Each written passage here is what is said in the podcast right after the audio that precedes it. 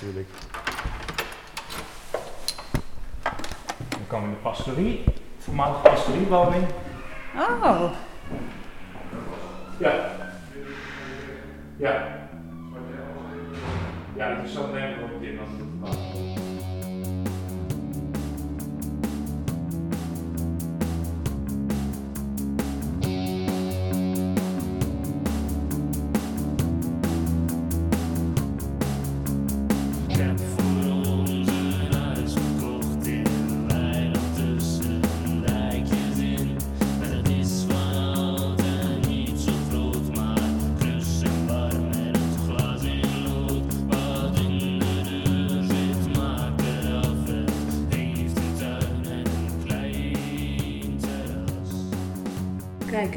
uitzonderlijk mooi uitzicht. Over de natte velden. Ja. Grijze lucht. Dus hier keek de dominee ook eh, naar buiten over het water. Ja, ja, de dominee was een bevoorrecht man, eh, kun je wel stellen. Ja, zo'n eh, stenen huis tegen de kerk aan. Hier is ook het Museum Schotland begonnen eigenlijk na de drooglegging. Het werd vanuit het kerkje gerund met een paar oude arbeidsschuren, schaftketen eromheen. Dus van de oorsprong Archeologisch Museum. En hier woonde ook eh, de museumbeheerder, die woonde in de pastoriewoning, die woonde in het museum zelf. Dus dat is wel fantastisch natuurlijk.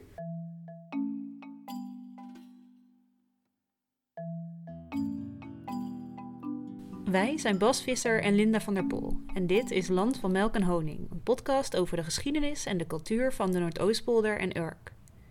We zijn op dit moment op Werelderfgoed Schokland. Dat is een buitenkans, want nu, half maart 2021, zijn de musea al een hele tijd dicht vanwege corona. Het goede toeval wil dat Bas tegenwoordig bij Museum Schokland werkt en als een van de lucky few wel degelijk naar binnen mag. Hij neemt ons vandaag op sleeptouw langs bosolifantbotten, klederdracht, hekserij en langs mijn vergeten familiegeschiedenis. Ja, ik, ik werk hier als eh, marketingmedewerker. Wat heb jij met Schokland? Nou, eigenlijk heel veel. Het is, eh, ik ben eh, nou opgegroeid op Urk en ehm, mijn opa was eh, museumbeheerder bij, de, bij het Urk Museum. Nou, wij kwamen als kleine kinderen wel met mijn opa op Schotland. Waar hij heel lyrisch over kon vertellen. Want het vertelt zoveel natuurlijk over de geschiedenis van een gebied. over de Zuiderzeecultuur, de strijd tegen het water. Op Urk zijn wat minder sporen terug te vinden van eh, de eilandperiode. Maar ja, op, op Schotland die geschiedenis gewoon heel tastbaar. En als je hier op het eiland bent, krijg je ook echt het gevoel dat het een eiland is geweest. Kan je heel goed inbeelden hoe die schokkers hier leefden vroeger. Als, als je een beetje tussen je oogharen heen kijkt, kun je wel inbeelden dat hier ooit een zee eh, heeft gewoed. Het is dat die moderne boerderijen nu ons uh, uit Ja, ja, ja dat, dat maakt het misschien ook wel mooier, het verhaal. Het vertelt ook iets over Nederland. Ja, en hoe die eh 20e eeuwse gedachte, dat, dat we alles eh, naar onze hand konden zetten. Ik vind, ik vind het uitermate fascinerend. Het, de plek Schokland vertelt heel veel verhalen tegelijkertijd. En dat maakt het gewoon een hele rijke plek.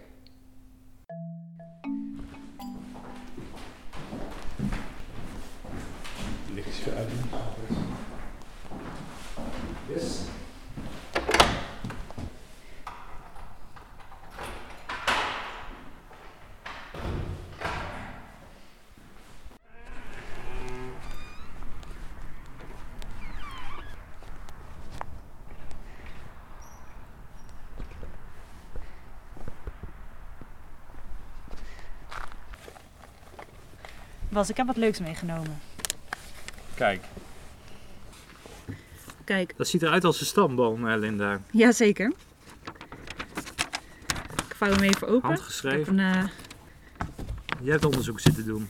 ik heb onderzoek zitten doen. Ik heb hier een eh, A4'tje met een deel van mijn stamboom erop. Ik begon optimistisch met hele grote vakjes. En naarmate ik verder de tijd in Ja. ging, werden ze steeds kleiner en werd het papier steeds eh, krapper voor me. Ik heb het al wel eens tegen je gezegd. Dat je waarschijnlijk van school afkomt.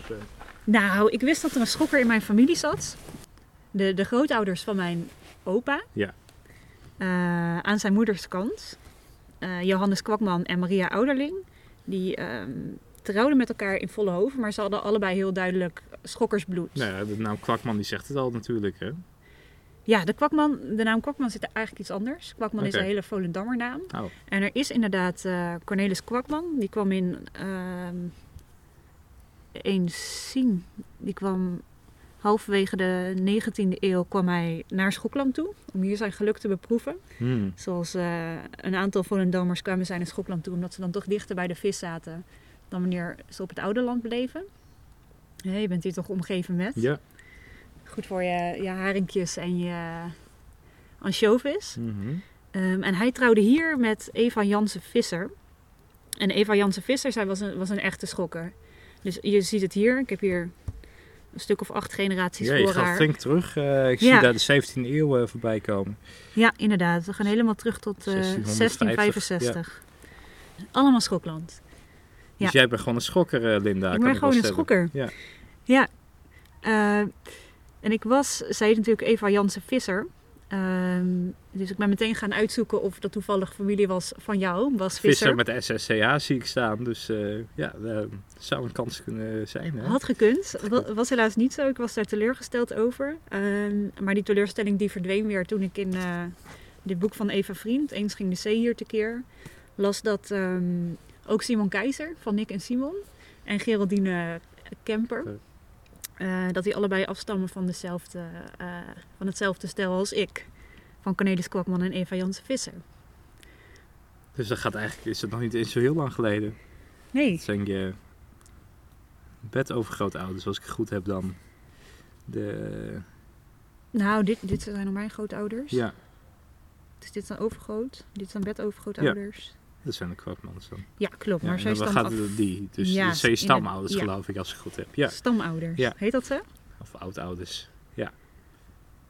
Ja, leuk is dat. Fascinerend zeg. Dus je bent, je hoort je ook helemaal thuis te voelen hier. Ja, ja, Ja, je hebt het boek van Eva Vriend in je handen. inderdaad. Kun je, kun je een stukje voorlezen? Heeft ze iets te vertellen over Schokland? Zeker. Dat Ja, lijkt me echt een deel van eh, die, die verhalen over de Zuiderzee. Ik eh, had het net over Cornelis Kwakman, die Ja. van Volendam hier naartoe kwam. Zij beschrijft die eh, Cornelis Kwakman. Ja, zij beschrijft hem inderdaad. Want Eva die ehm, volgt in dit boek vier verschillende families. Eh, allemaal uit een, uit een ander Zuiderzeegebied. Dus Mhm. volgt bijvoorbeeld ook een Urker. de Volendammer Kwakman dan die naar Schokland verhuist. En dan nog twee andere. Ehm, en over Kwakman heeft ze wel een, heeft ze een leuk verhaal. Ze schrijft...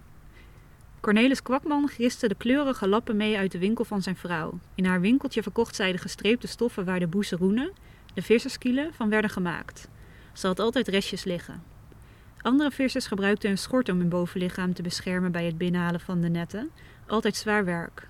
Maar Cornelis Kwakman niet. Bij hem pronkte een bonte lap onder de arm, een baaienlap in Cornelis Volendammer dialect. In de volksmond werd baaienlap verkort tot ballap. Kees Kwakman vindt dat nog altijd volkomen logisch. Ballap telt twee lettergrepen, dat is meer dan genoeg. Ehm, eh, nog steeds wordt de familie Kwakman die wordt vaak Ballap genoemd. Geraldine Ballap. Dat is een bijnaam eh, geworden. Simon Ballap. Ja, dat, is, dat is in Volendam echt een, eh, een bijnaam Maar zo gaat het geworden. in die plek, hè? Dat, je dan een bijnaam krijgt als familie. Precies, Ja. precies. Ehm, maar die vrouw met dat stoffenwinkeltje, dat was Eva Visser, die hier op Schokland woonde. En nu dus inderdaad mijn stammoeder is. Nou, kijk eens. Ehm, en zij, zij had hier eh, volgens Eva Vriend een stoffenwinkeltje om, eh, om bij te verdienen, omdat hier hard leven was, zwaar leven was. Ja. Ja, want je ziet vaak dat dan eh, de vissersvrouwen verschillende uitbatterijen beginnen. Kruidenierswinkeltjes en stoffenwinkeltjes in jouw geval. Ja, dat, is dan, dat zegt ook iets over de inkomsten eigenlijk die hier... dat het toch wel een zwaar leven was.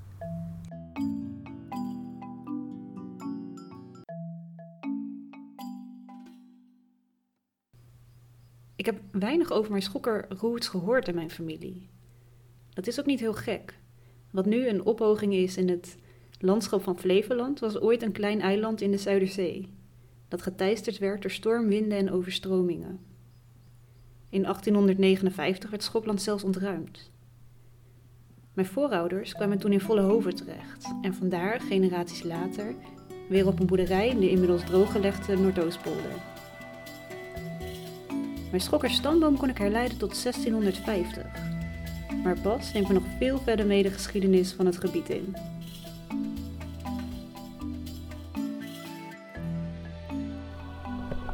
Kijk eens. Ik zie hier botten van een wolharige mammoet. Steppenwiesent. En waar is het reuzenhert dan? Nou, als je even omdraait, zie je nog veel meer. De holenbeer, Zo. staand. Welkom in Museum Schokland. Ehm, museum dat vertelt het verhaal van Schotland in chronologische volgorde. We beginnen natuurlijk bij de ja, eerste vondsten, de ou- oudste eh, vondsten. Ehm, ja, die komen uit de ijstijd.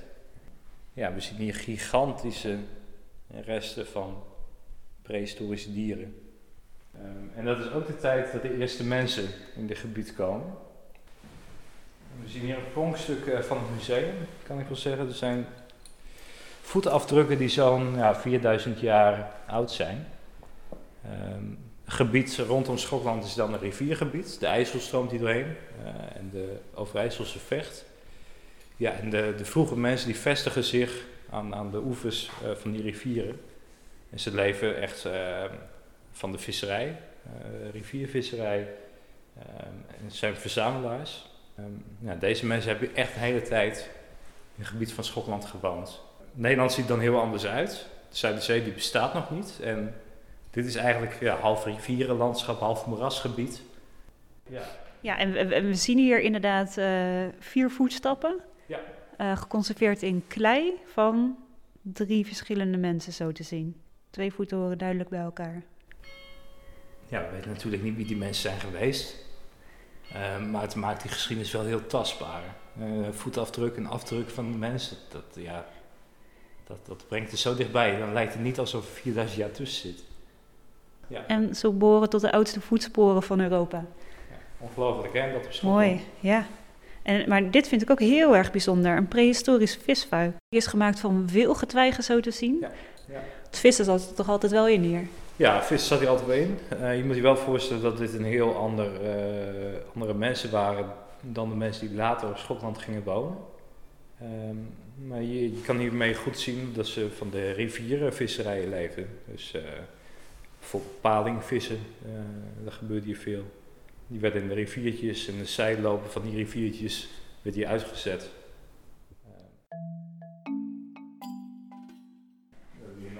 Ploegsporen. De landbouw komt dan op op een gegeven Hoe noem je dat nou? Ploegsporen. Ploegsporen, ja. Het Noordoostpolder kennen we nu als eh, landbouwgebied. Maar op een gegeven moment gingen, gingen die vroege mensen hier ook eh, de landbouw beoefenen. Nou, en dat is eigenlijk het begin geweest van een drastische verandering van het landschap.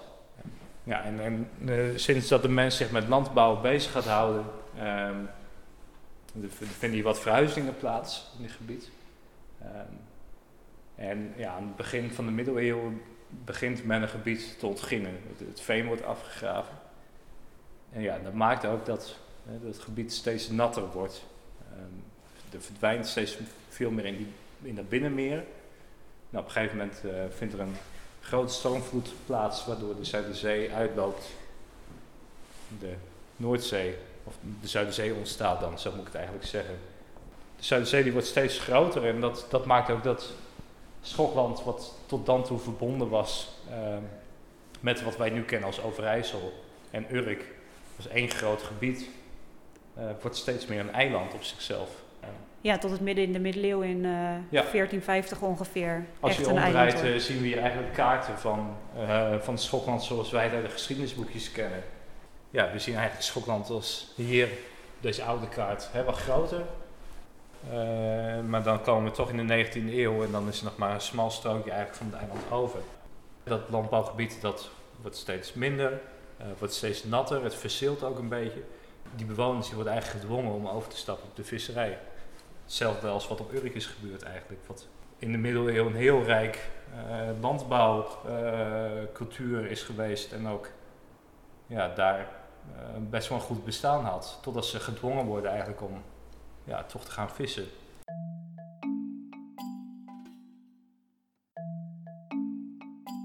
Nou, hier, hier komen jouw voorouders eigenlijk in beeld. Ehm, we zien hier de klededracht van Schotland. Eh, net als de andere Zuiderzeeplekken, net als heel Nederland eigenlijk, had iedere gemeenschap zijn eigen dracht. Ja, je ziet eigenlijk hoe kleurrijk dat was op Schokland. Dus je moet je voorstellen dat een paar generaties terug eh, jouw voorouders, de vrouwen in zulke kleren liepen. Hè, als je het dan hebt over het beroep van je over-overgrootmoeder, die verkocht Ja, die verkocht zulke stof, mooie die lappen. Die verstelden ze misschien. Er werd heel veel gerecycled en van generatie op generatie werd het doorgegeven. Ja, want we zien hier inderdaad allerlei verschillende patroontjes. Ruitjes, bloemen. Daar komt toch een beetje die, die rijke geschiedenis. eh, ondanks dat eh, die gemeenschap zo armoedig is geworden, komt nog wel heel erg naar voren in die, eh, in die rijke, kleurrijke dracht. We zien hier nog wat eh, gebruiksvoorwerpen van eh 18e, 19e eeuw. Nou, heel bijzonder is, is deze Bijbel die, eh, die meegenomen werd. Eh, Een Statenbijbel is het. Ja, toch een beetje van dat eh, protestantse deel af. Eh, Ja, ik sta ook wel te kijken van wat er naast de Bijbel ligt. Namelijk schaatsen gemaakt van beenderen van Ja. Runderen of paarden. Ja, glissen worden dat genoemd. En dit is de voorloper van de moderne schaats eh, van de Hoge Noren. Zou je het daarop kunnen, denk je? Nou, nee, ik, ik denk het niet. Nee.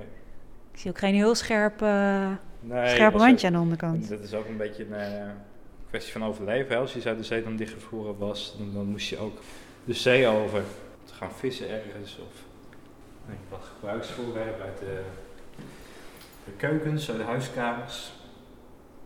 Zien die prachtige borden met eh, teksten op. Niemand zonder vijanden. Oei, De servies, dat eh, was natuurlijk belangrijk. Dat werd ook steeds doorgegeven. werd ook als bruidschat eh, gebruikt. Ja, en de bepaalde dingen die bleven natuurlijk generaties in die families zitten. Ja. Die typische tegeltjes die we in de Zuiderzeecultuur zo belangrijk zijn geweest in het interieur. inderdaad. Ja, die zullen boven de schouw gehangen hebben of zo. Ja. Dat is het meest kostbare deel eigenlijk van, van, van de houten huisjes. De tegeltjes. Ja. Ja, we zien prachtige tegeltjes inderdaad. Mooie bloemenpatronen, vogeltjes, een molen. Ja, dit, dit geeft dus eigenlijk een beetje een impressie van hoe het uh, vissersleven, eh eilandleven was. En dan zien we hier ook eh, de publicatie Besluit tot ontruiming van Schokland in 1859. ehm, ondertekend door de burgemeester eh, van Schokland. 23 januari, Kampen. Berichten van Schokland luiden jammerlijk over het gebrek aan leeftocht en brandstof. Leeftocht. Zou dat voedsel betekenen? Ja. Men verneemt dat de nood bij de bevolking van Schokland weder tot een ongewone hoogte is gestegen. Niet slechts de visvangst, maar ook de kalikotweverij, welke nog menig huisgezin voor de honger bewaarde, staat blijkans geheel, bijkans geheel stil. Ja, Het, armoede eh, wordt steeds nijpender. ehm, en Schotland wordt steeds duurder eh, om te onderhouden. Ehm, en al die eh, watersnelheden, dat, dat, ja, dat brengt dan koning Willem III eh, tot het besluit om het eiland te laten ontruimen. En je ziet hier ook het decreet eigenlijk van de burgemeester van Schotland in maart 1859. Dat Schok, dat hij bekend maakt dat Schotland eh, ontruimd moet worden.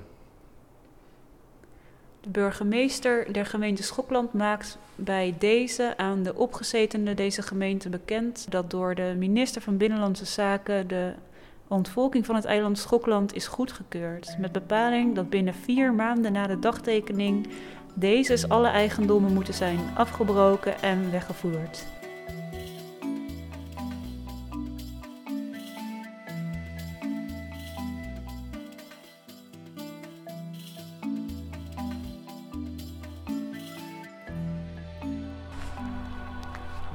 Mevrouw die heeft haar eh, koffers gepakt. Ehm, ja, ze staat in haar deuropening. En ehm dit beeld, dat beeldt heel goed uit eh, de ontruiming van Schokland eigenlijk. Dit is een schokke vrouw die haar koffers heeft gepakt en die in haar eigen deuropening staat.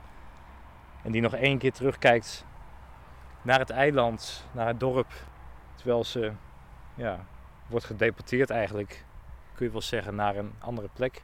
Ja, het is eigenlijk een beetje misleidend, omdat eh, schokkers die hier vertrokken in om in aanmerking te komen voor schadeloosstelling, moesten alle schokkers hun eigen huis meenemen. Dus ook hun Ja. deurpost moest Ja. mede en weer opgebouwd worden. Dat werd eh, afgebroken en werd elders weer opnieuw opgebouwd. Eh, dus die armoede was nog niet voorbij toen Schokland ontruimd werd. Ze kwamen dan ook vaak in wijken te wonen, in, in Volendam, Kampen, Urk. Vollenhoven. En ze, ze stichten daar ja, een nieuwe gemeenschap. Als schokkers onder elkaar. Eh, vooral in Kampen kun je dat nog heel erg goed terugzien in de wijk Brunnepen. Eh, maar op een gegeven moment ehm, integreren ze je wel echt in die eh, nieuwe... Ja, ja, want de eerste, de eerste generaties aan land, zeg maar, die, die trouwen onderling toch nog vooral veel. Ja, ja, het blijft toch een beetje de eigen cultuur. ja, er zit ook nog wel een verschil. Je kan het schokkendialect kun je nog terug horen in, bij het Meertens Instituut. Dat het verschilt toch weer heel, heel erg van het Urke dialect en Kampen. Dus er, is, er, is nog wel, er zijn echt wel cultuurverschillen natuurlijk. En ja, als je zoveel jaren, ja, eeuwenlang als gemeenschap bij elkaar gewoond en dan weer opeens uit elkaar gerukt. Ja, ik vind het toch wel heel triest. Ja. Aan, de, aan de andere kant kun je ook zeggen... ehm, kijk, iedereen wilde hier misschien graag blijven wonen, maar het was een hartstikke hard leven. En ehm, het zou een Ja. keer ophouden. Schokland werd geteisterd door hoog water. Zeker. Nou, eh, ik denk dat ehm, dus er zijn meerdere redenen natuurlijk voor eh, op te voeren waar- waarom het ontruimd is. En een daarvan is gewoon dat het gewoon te duur werd om te onderhouden. Het padenscherm moest steeds eh, onderhouden worden. Ehm, dus het was best wel een eh, kostbaar eh, deel van Nederland. Ehm, ja, dat, dat is toch wel een van de redenen geweest waarom het eiland maar ontruimd moest worden. Ja. Ehm, hier eh, zien we de waterput. Dit is een leuk verhaal. Kijk eens, we staan hier bij een vierkante waterput. Ja, eh, de, de schokkers die waren afhankelijk eh, van regenwater voor hun drinkwatervoorziening. Ehm, en er werd bijvoorbeeld opgevangen eh, vanaf de kerkdaken. Ja, er werd dan in die waterput geloosd. Dat water dat kon afgehaald worden tegen betaling aan de diaconie van de kerk. En Ah. dat geld dat kwam dan weer te goede aan armoedebestrijding. Dat is wel heel leuk eigenlijk in een, eh, in een cirkeltje rond. Ja, en een beetje diakenput eh werd genoemd. Ehm, ja, dus je moet je voorstellen eigenlijk dat ja, dat water dat was eigenlijk al een beetje viezig. Het was regenwater. En van het dak van de kerk, dat was het schoonste. Ehm, ja, dat was vaak een bron van besmettingen en eh, ziekte. Ja, dus ja. water was een heel kostbaar bezit eigenlijk. En dat, dat zegt iets ook over de armoede van de bewoners van Schotland. Ehm, dat, we, dat schoon water zo kostbaar was. Ja, ja. Er werd wel water aangevoerd vanaf de IJssel. Ehm, ja, en nou, we staan hier eh, naast het palenscherm, hè, dus je kan hier goed het hoogteverschil zien.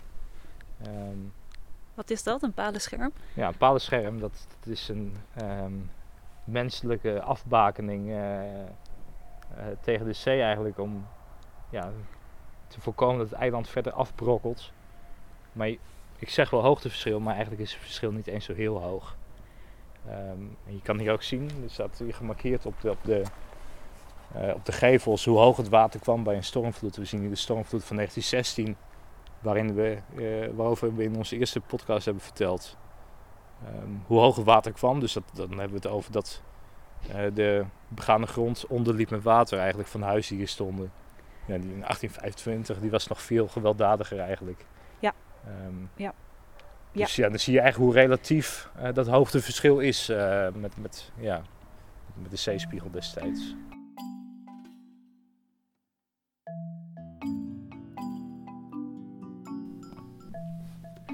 Bas vertelde zojuist dat het Schotland een eigen distinctieve cultuur kende, eigen klededracht en een eigen dialect. Onderzoekers van het Meertens Instituut voor de Nederlandse Taal, destijds nog het Dialectbureau geheten, gingen vorige eeuw, vermoedelijk begin jaren 30, op bezoek bij schokker nazaten in Kampen.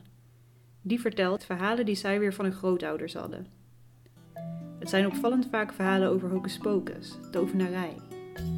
Het over de kinderen, honden waar de duivel in zat, en in het fragment dat we je nu laten horen over een enge buurvrouw die zichzelf in een dikke kater wist te veranderen. Zo re- je, je moet zo rekenen. Mijn moeder was vier jaar toen ze van Schokland overheen is. Mijn moeder. Dus d- die kan daar ook niet zo, eh, zoveel van vertellen meer. Hè. Dat, dat, dat, dat wij nog had, dan, dat, dat hadden wij allemaal van best zien. Dus dat was mijn grootmoeder. Hè. Die nu wij best zien. Die konden die vertellen dat allemaal, want die, eh, Die vertelde nog van dat ze van pannenkoekbakken eh, was op Schokkeland. Ja, je bent weer aan gesproken. Je moet Nou weer al Je moet- spot gesproken. Lul Mathiel mee. Ja, ja, vertel het maar. Lul Mathiel mee. Bessing, Bessing die had een buurvrouw en daar kon ze niet goed mee. Mathiel hoor. Nee, dat is, dat is toch, daar kon ze niet goed mee met, be- met, met die buurvrouw. Maar die buurvrouw die kon toveren, hè. En eh, toen was een keer eh aan pannenkoek bakken en dan kwam er zo'n grote korter uit, en die ging eh, bij zitten, bij de zee pannenkoeken bakken. Toen denk ik bij mezelf, zei ze, dat is geen goed werk, die korter, dat is die buurvrouw die tovert. En ik neem eens zo'n grote pannenkoek en ik smijt er zo, zei ze, dat mensen in de gezicht. De pannenkoek over haar hoofd en de korter die vlug weg. En de andere dag liep de buurvrouw met een grote doek om haar hoofd. Dus dat was toch, Ja, dat was toch, dat ze, dat ze, ja. dat ze, Dat het een, een was. dat een, een, dat komt allemaal door hoor. Oh ja, waarschijnlijk. Want mijn moeder, die, eh, die geloofde ook nog vast dat het overal spookte. In Brunnenpensioen vroeger. Dan hadden ze dat weer zien en dan hadden ze weer een lichte dame zien en dan hadden ze dat weer zien. Nou, de, de praatje van.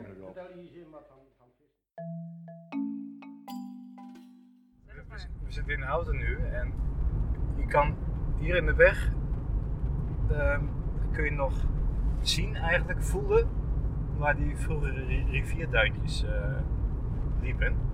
Ehm, die bobbels in de weg, dat zijn eigenlijk resten van die zandduintjes. Ja, ik heb ook wel eens een boer op tv gezien die, ehm, die liet zien hoe, hoe je op zijn veld precies aan de donkere verkleuringen en zo kon Ja, zien dat daar inderdaad nog allemaal... eh, Ja, als je, als je een satellietbeeld hebt van de polder, kun je lichte en donkere strepen kun je uit opmaken van hoe die duintjes, hoe die oevers dan een beetje liepen. ja, juist. Ja, dat zegt, ja, die prehistorie, die kun je nog gewoon, is nog gewoon tastbaar in het landschap. En dat vind ik uitermate fascinerend. Ja, en we zijn net op 100 meter zijn we twee palen tegengekomen die ons laten zien dat hier scheepswrakken liggen. Ja, ja. Zullen er vast nog veel meer zijn. Ja, dat is weer een ander tijdvak waar je dan tegenaan loopt. Ja, het is toch mooi dat het allemaal samenkomt zo. We zijn nu onderweg naar de zuidpunt eh, van Schotland. ehm, waar vroeger een kerkje heeft gestaan. Een begraafplaats en een vuurtoren, een vuurbaak. Ehm, en we zien hier hoe het eiland ophoudt. Uit het zuiden. We rijden parallel aan het eiland eigenlijk naar het zuiden toe. Dus we gaan de auto even aan de kant zetten en lopen er even heen. Je weer een paar bobbels. Juist. En hier zien we een paal van een vliegtuigwrak uit de Tweede Wereldoorlog. Oh ja. En dan weer een paar ijstijdkeien ernaast. Maken ook je alles Ja, mee. rijke geschiedenis, hè? Ja.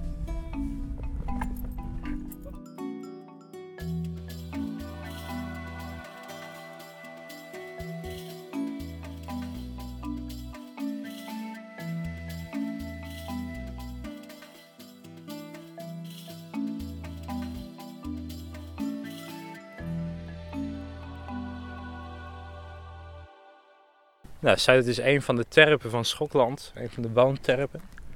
Waar Jan over, over grote ouders hebben gewoond. Die hier op Schotland kwamen wonen. Die vestigden zich op de Zuid. Ja, en dat was een relatief kleinere gemeenschap. Ehm, en die ja, ook weer relatief geïsoleerd van, van andere woonterpen. Maar ze hadden toch wel contact met elkaar. Ehm, ze zochten elkaar op en ze gingen op verschillende plekken naar de kerk toe. Eh, dus er was wel onderling contact, maar al die terpen, dat waren eigenlijk weer eilandjes aan zich. Zo moet je je voorstellen. Ja, ik weet inderdaad dat een van mijn voorouders ongeveer in eh, 1840 hier naartoe kwam van, vanaf Volendam. Ja. Die kwam toen wonen op de Zuidert. Ehm, en nog niet eens zo heel lang daarvoor, een jaar of 15 daarvoor, was de hele Zuidert overspoeld. En moesten al die huizen opnieuw opgebouwd worden. Eh, interessante beslissing om dan Ja. 15 jaar Ja. later daar te gaan wonen. Eh, en al- als zij naar de kerk gingen inderdaad, of naar school, dan moesten ze inderdaad naar een andere terp. Ja, ja dan moest je eh, ja, langs, langs een padenscherm over houten looppaden moest je heen. Eh, en tegen die tijd was de zee die klotste aan de ene kant er tegenaan. Aan de andere kant was, was het landbouwgrond, maar dat was ook vaak al overspoeld door water. Dus ja, dat kon tot penibele situaties leiden. Ja. Ja, en die palen waar je overheen moest, dan moest je elkaar ook vaak passeren. Hè? En dan deed Ja. je dan door elkaar bij de armen te pakken en dan ja. eigenlijk een soort dansje te doen. De schokkendansen wordt dat genoemd. En eh, het, het verhaal gaat wel dat menige relatie ontstaan is tijdens zo'n overtocht van de ene terp naar de andere terp. Omdat je dan even zo innig met elkaar verstrengeld moest zijn. Ehm, terwijl je doodsangst misschien wel uitstond. Bas, jij zegt de hele tijd dat eh, de katholieken in principe in het noorden zaten en de Ja. protestanten in het zuiden. Eh, in mijn stamboom, met toch tientallen schokkers erin, zie ik steeds geboren te Ens, geboren te Emmeloord. Wat, wat zegt dat? Ja, ik moet er een, een nuance aan toevoegen dat eh, de reformatie die eh, kreeg op Schokland pas relatief laat voet aan de grond. Dat ging vrij moeizaam. Er werden wel dominees aangesteld, maar de bevolking die wilde natuurlijk niet direct mee. Er was natuurlijk katholiek, net als de rest van Nederland was tot in de late middeleeuwen. Maar ja, goed, op een gegeven moment steeds meer bewoners die stappen over eh, op dat protestantse geloof. En er blijft nog wel een stukje volksreligie in hangen. Ehm, maar vooral hè, in, die, in die 17e eeuw zie je nog wel veel ehm, huwelijken tussen katholieken en protestanten. Ehm, en er, er, is, er is natuurlijk ook gewoon normaal menselijk contact tussen de beide terpen. En dat noem je een gespikkeld huwelijk, een meen ik, gespikkeld huwelijk eh, noemen ze dat naar een bijbelverhaal. Op een gegeven moment zijn schapen dan, die worden gespikkeld geboren van een zwart en een wit schaap geloof ik. Eh, moet ik even nazoeken, mijn bijbelskennis schiet hier even tekort.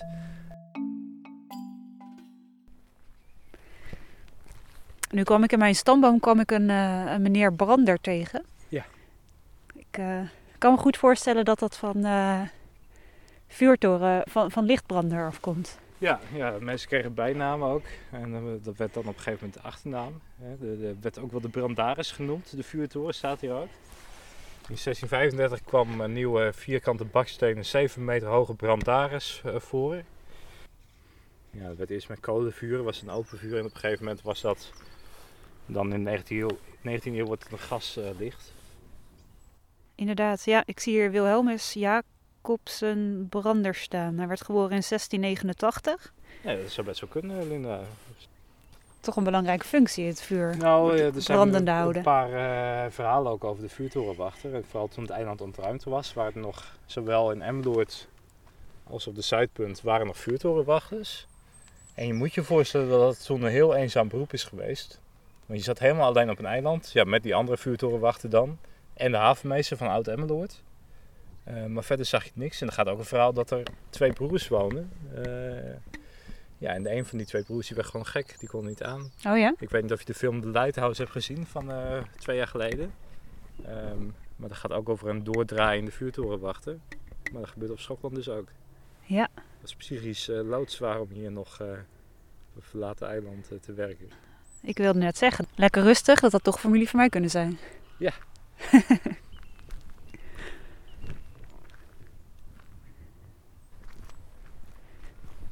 Maar op een gegeven moment wordt de Zuidpunt eh, ehm, steeds vaker overspoeld. Eh kerkje blijft nog wel een tijd staan. Eh, de mensen uit de zuiden, het- die kerk hier nog. Maar op een gegeven moment wordt dat ook teruggegeven aan de zee. Ehm, omdat dit toch een beetje te laag ligt. Ehm, en er wordt wel, er zijn ook een stukje spookverhalen hier. Spookverhalen. ja, want er lag ook een begraafplaats bij natuurlijk, bij de kerkje. Nou, dat, dat liep zo vaak over dat die graven bloot kwamen te liggen. Ja, dat kon tot bizarre situaties Nee joh, eh, echt? leiden. Ja, ja. Dus die lijken die spoelden hier gewoon door, eh, ja die, die, eh, door de kerk. Ja. en hier zien we de ruïne eigenlijk deels gereconstrueerd ehm, van de oude kerk van Ens. Je ziet hier in het midden zien we een monument. En dat is eigenlijk ter nagedachtenis aan de eh, herbegraving ehm, van de menselijke resten van de schokkenbewoners. Die in 1942 door Arie de Vroe van de Universiteit van Amsterdam ehm, hier zijn opgegraven. Die zijn in het depot van de universiteit beland. En op een gegeven moment krijgen de nazaten van de schokkers die krijgen daar lucht van. Ehm, en het archief dat moet verhuisd worden eh, van de universiteit. En dat is dan een mooi moment om die beenderen eh, bij te zetten eigenlijk hier in de kerkruïne op de Zuidpunt. In 2004 is dat gebeurd. Oh. Ehm, in bijzijn van eh, ja, nakomelingen van die schokkers eigenlijk. ehm, ja, ritueel herbegraven. Eh, En mijn bed-bed overgrootoma, die heeft misschien in een eh, depot aan de Universiteit van kun je je Amsterdam voorstellen, gelegen. ja. ja. Dus eh, vandaar ook dat hierbij bij staat eh, niet betreden grafmonument. Ehm, ja, die bot hebben dus opnieuw eigenlijk eh, weer een menselijke status gekregen door die herbegrafenis. Een zijspoor in de geschiedenis. Een zijspoor in de geschiedenis waar mijn gids Bas ook heel erg veel over kan vertellen. Maar dat doen we een volgende keer. Groeten vanaf het illustere Schokland. Dit was Land van Melk en Honing voor nu. We zijn binnenkort bij je terug.